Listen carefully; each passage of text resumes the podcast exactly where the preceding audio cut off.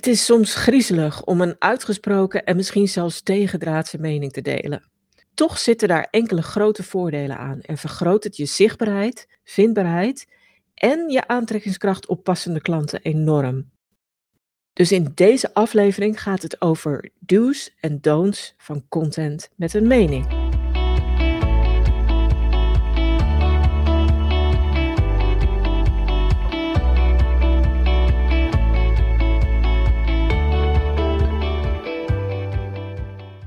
Content met een mening. Ja, wat versta je daar nou precies onder? Voor mij is het content die deels geboren is uit frustratie en deels uit verwondering over wat je om me heen ziet. Want content met een mening hoeft niet altijd een negatieve bron of reden te hebben. Je kunt je ook oprecht afvragen van, hé, hey, wat gek eigenlijk dat iedereen dit zo doet of waarom doen we dit zo? Maar toegegeven, frustratie is vaak wel een belangrijke bron van content met een mening of opinierende content. En een frustratie kan de content die daaruit voortkomt ook extra sterk en effectief maken. Frustraties dus. Nou, daar kun je van alles bij bedenken. Bijvoorbeeld dingen die in je branche of in je vak gebeuren die je vreemd, onhandig of onjuist vindt. Mythes en misverstanden ik deel bijvoorbeeld op Instagram altijd een content, of nou niet altijd, maar ik deel op Instagram af en toe een content mythe. En ik vind het niet heel erg opinierend, maar je kunt het natuurlijk wel sterker gekleurd maken, waardoor het veel duidelijker een mening weergeeft. Je kunt ook dingen die missen en die niet uitgezocht of gedaan worden adresseren. Dus dingen in je vakgebied waarvan je denkt, waarom kijkt niemand daarnaar? Waarom is daar geen onderzoek naar gedaan? Waarom weten we dit niet? Dat kan een frustratie zijn. Het is misschien wel een beetje een milde frustratie. Maar dingen die missen, die kun je heel goed adresseren in content met een mening. En tenslotte, een heftige frustratie is als je leugens van concurrenten ziet of ander onethisch gedrag. In mijn vak is dat bijvoorbeeld als ik SEO-praktijken zie die niet door de beugel kunnen. En waarvan ik weet dat als Google die doorheeft, dat de, de, de onderneming die die SEO-praktijken doet, onwetend, omdat dit hen geadviseerd is of omdat dit voor ze gedaan wordt, gestraft gaat worden door Google. Dus dan uiteindelijk op de lange termijn zijn die SEO-praktijken zelfs schadelijk. Dat kan mij behoorlijk frustreren. En een paar jaar geleden was er een club die sites bouwde. En die de eigenaren dan niet alleen een flink startbedrag, maar ook een maandbedrag liet betalen. Waarbij het bijna onmogelijk was om daarmee te stoppen. Er kwam toen een nieuwe klant bij mij en die was slachtoffer geworden van die club. En dat kon mij ook ontzettend frustreren. En het was dat er iemand anders daar een heftig artikel over geschreven had. Wat trouwens dus ook heel goed vindbaar was in Google. Want anders had ik dat mogelijk toch echt wel zelf gedaan, omdat ik het echt schandalig vond hoe die klant behandeld was. Een mildere frustratie is als je reageert op dingen die je om je heen ziet. Iemand ziet of publiceert iets waar je het echt mee oneens bent. Of iemand publiceert iets waarvan je denkt: hé, hey, maar dat kan schadelijk zijn voor mensen of voor bedrijven of voor reputaties. Je kunt ook reageren op publieke personen die iets sufs of iets kwalijks doen. Nou, kwalijk is natuurlijk wel heel triest, maar iets sufs kan ook. Dat je denkt: oh, dat is niet handig, jongens, doe dat niet, leer hiervan. En je kunt reageren op werkwijze van anderen of van vakgenoten. En er was laatst een business coach die er fel op tegen was dat andere business coaches spiritualiteit inzetten. En die schreef daar iets over. En je kan er donder op zeggen dat dat heel veel reacties opleverde. Van mensen die het daarmee eens waren en mensen die het er helemaal niet mee eens waren. Het mooie was dat die business coach met dat standpunt natuurlijk juist wel weer de klanten aantrekt die het met haar standpunt eens waren. Dus zo kan opinierende content je heel goed helpen om ook de juiste klanten aan te trekken. Content met een mening is wel moeilijk om te maken. Kijk, Nederlanders, we zijn wel direct in de één op één contacten. En met anonieme social media accounts zijn we, nou niet gewoon meer direct, maar zelfs bot en misschien wel asociaal. Maar om dat voor een groter publiek te doen en vanuit je vakgebied en vanuit je serieuze bedrijf is wel echt eng. Want je gaat hoe dan ook zelf weer feedback krijgen. En iedereen is bang voor een boomerang effect. Dat is menselijk. En het is ook moeilijk omdat je, nou ja, hopelijk niemand verschut wil zetten en niemand zwart wil maken. Je kunt iemand aanvallen op zijn mening of op zijn gedrag, maar liever niet op de persoon. Hard op de bal, zacht op de mens. Dus dat zijn wel dingen die het moeilijk maken om opinierende content te maken. Je moet eigenlijk nooit een soort, nou ja, een Engels woord is een rant, een tirade houden waarbij je ongelimiteerd losgaat. Probeer dat te voorkomen. Maar opinierende content heeft heel veel voordelen. Dus als je die angsten of die problemen of die drempels kan overwinnen, dan heeft het echt voordelen voor je reputatie, voor je bedrijf. Bedenk ook dat een ondernemer of een bedrijf zonder mening een gezichtsloos bedrijf is. En wie wil er nou gezichtsloos zijn? En niet gezichtsloos willen zijn geldt dubbel en dwars voor experts en kennisleiders of bedrijven die dat willen zijn of die hun expertstatus nadrukkelijker willen claimen. Met opinierende content versterk je ook je onderscheidend vermogen. Je trekt klanten aan die het met je eens zijn. Ik gaf net al het voorbeeld van die business coach en haar standpunt over spiritualiteit in business coaching. Je krijgt dan klanten die gewoon fijner zijn, die bij je passen. En wat ook een effect is, je krijgt een bepaald aanzien of status bij die klanten, wat weer goed is voor de hele samenwerking. En trouwens ook voor de tarieven die je kunt vragen. Content met een mening trekt ook mensen aan die, als ze echt enthousiast over je zijn, je ambassadeur worden. En we hebben allemaal baat bij ambassadeurs. En content met een mening krijgt ook nog eens een keer reacties, waardoor het extra zichtbaar wordt en vaak ook goed vindbaar in de zoekmachines.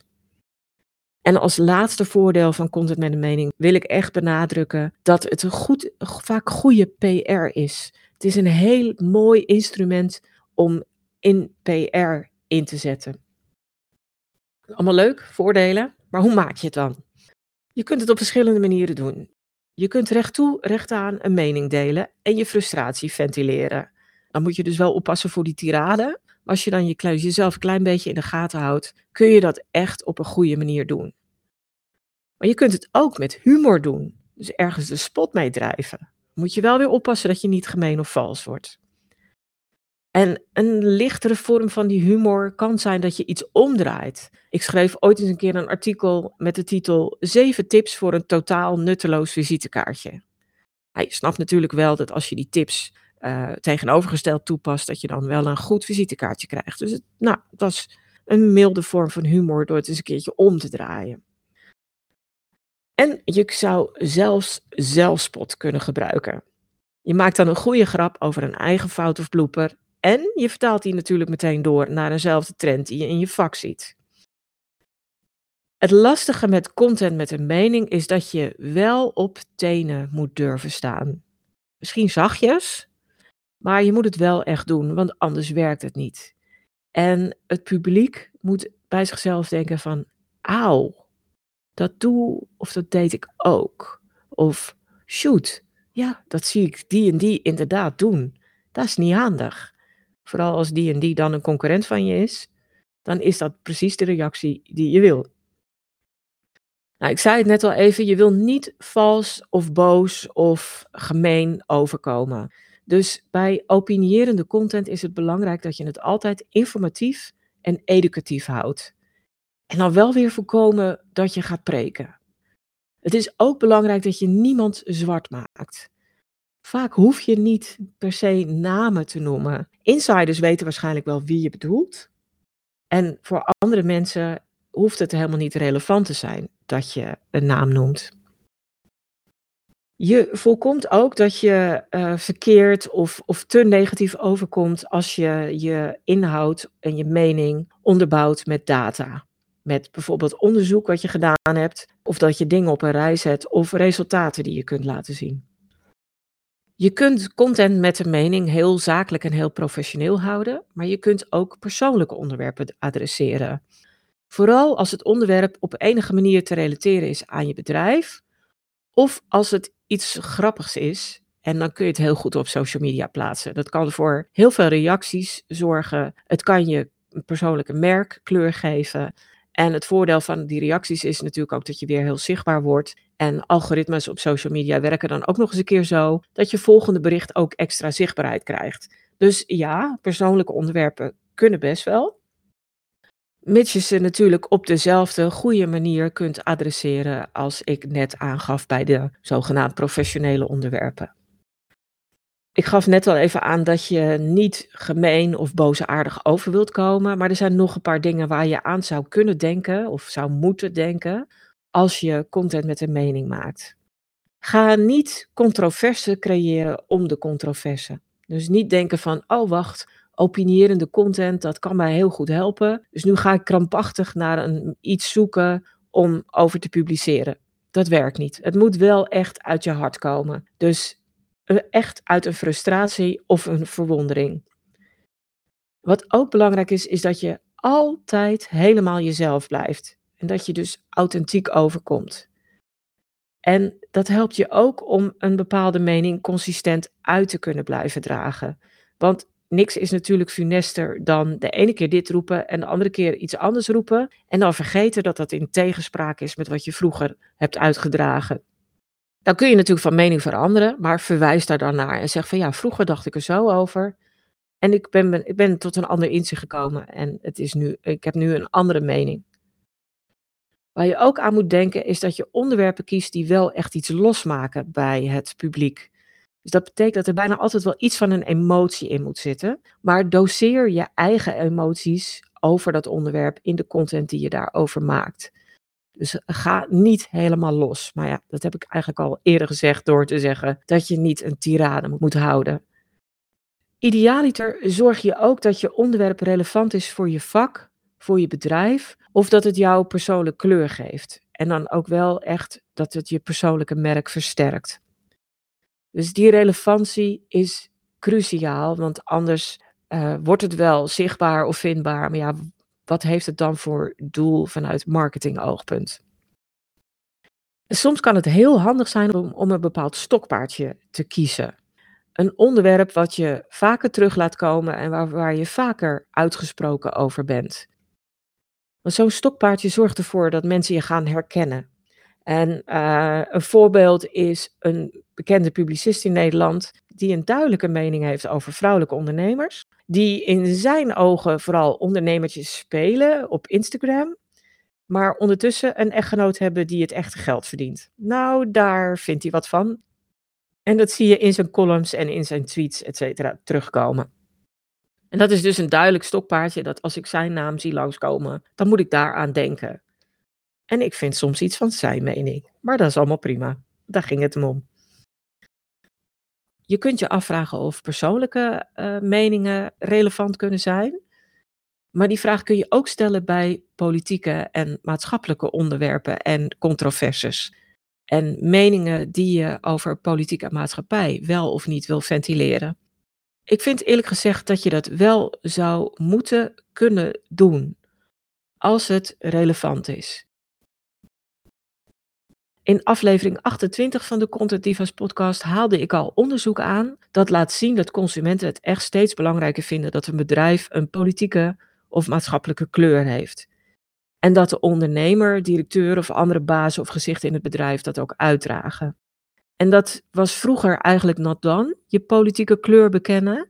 Maar nu onderzoek uitwijst dat consumenten dat steeds belangrijker vinden, gaan steeds meer bedrijven daar ook toe over. Dus politiek mag en moet misschien wel, afhankelijk een beetje van de aard van je bedrijf, maar zeker als maatschappelijke of politieke onderwerpen de inhoud van je bedrijf raken, dan is het echt verstandig om ook te laten zien waar jij staat. En bedenk daarbij ook dat wie zwijgt, in de ogen van het publiek instemt met de status quo. En als je het dan achter de schermen ergens eigenlijk helemaal niet mee eens bent, is het echt verstandig om dat wel te tonen en te uiten. Dus politieke en maatschappelijke onderwerpen hoef je helemaal niet uit de weg te gaan. En je hoeft je zeker niet alleen maar tot professionele onderwerpen te bekennen die je vak of je branche raken. Maar je kunt ook kiezen voor meer persoonlijke onderwerpen op zijn tijd. En ook voor politieke en maatschappelijke onderwerpen. Nou, het hoe en wat en de voordelen van, waar je op moet letten bij content met een mening heb ik nu wel een beetje geadresseerd, denk ik. Maar hoe, op welke manier kun je dat dan vormgeven? Welke vormen zijn er? Nou, ik, heb een, ik, ik kan een hele opsomming geven om je op ideeën te brengen. Bijvoorbeeld, je kunt het doen met een blog op je eigen site. Je kunt een bericht of een artikel plaatsen op een LinkedIn-profiel of op een bedrijfspagina.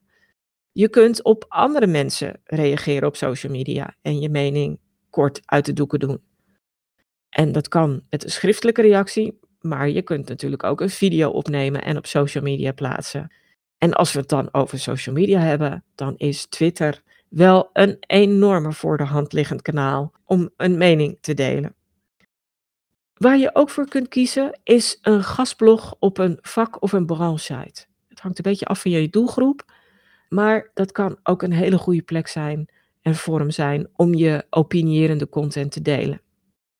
Wat natuurlijk ook kan, maar wat best lastig is, is een opinieartikel insturen naar massamedia. Naar eigenlijk de bekende kranten of kanalen. En dat is best lastig omdat de drempel vrij hoog is. In die zin dat de selectiedrempel hoog is. Dus er wordt veel meer ingestuurd dan wat media ooit kunnen plaatsen. Maar het is wel echt een hele goede manier om voor je mening uit te komen en die voor het voetlicht te brengen. Wat je ook kunt doen, en dan heb je wel een beperkte publiek, maar je kunt je mening ook uiten aan het begin van een presentatie of een training. Want dan, daarmee kun je soms een hele spannende kick-off van je presentatie hebben, waardoor mensen echt meteen alert worden en blijven luisteren.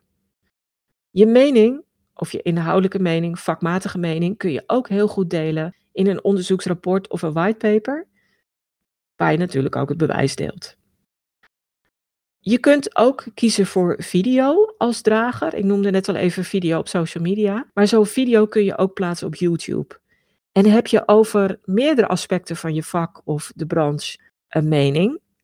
En zijn er bijvoorbeeld meerdere misverstanden of misstanden, dan zou je daar zelfs een aparte playlist voor kunnen maken. En is je mening fundamenteel voor je bedrijfsvoering? Ja, neem die dan ook op over, de over ons of over mij pagina op je website en verwijs dan bijvoorbeeld naar een heel kenmerkend artikel wat die mening verder toelicht. Ik hoop dat ik je hiermee ideeën heb gegeven om content met een mening in te zetten, met daarbij de voordelen, maar ook de dingen waar je op moet letten en de vormen die je kunt gebruiken om die mening voor het voetlicht te brengen. Dankjewel voor het luisteren. Voel je zeker vrij om deze aflevering van de Content Divas podcast met anderen te delen als je denkt dat dit van pas kan komen. En heb je zelf een handige tip of inzicht opgedaan met deze aflevering, dan hoop ik dat je een review wil achterlaten. Heb je nog meer vragen? Zoek je meer informatie? Neem dan zeker een kijkje op de website. Die vind je op stroop.nl met dubbel S. En daar vind je natuurlijk ook die handige content kennisbank waar je allerlei gratis checklists, stappenplannen, handleidingen en nog veel meer kunt vinden.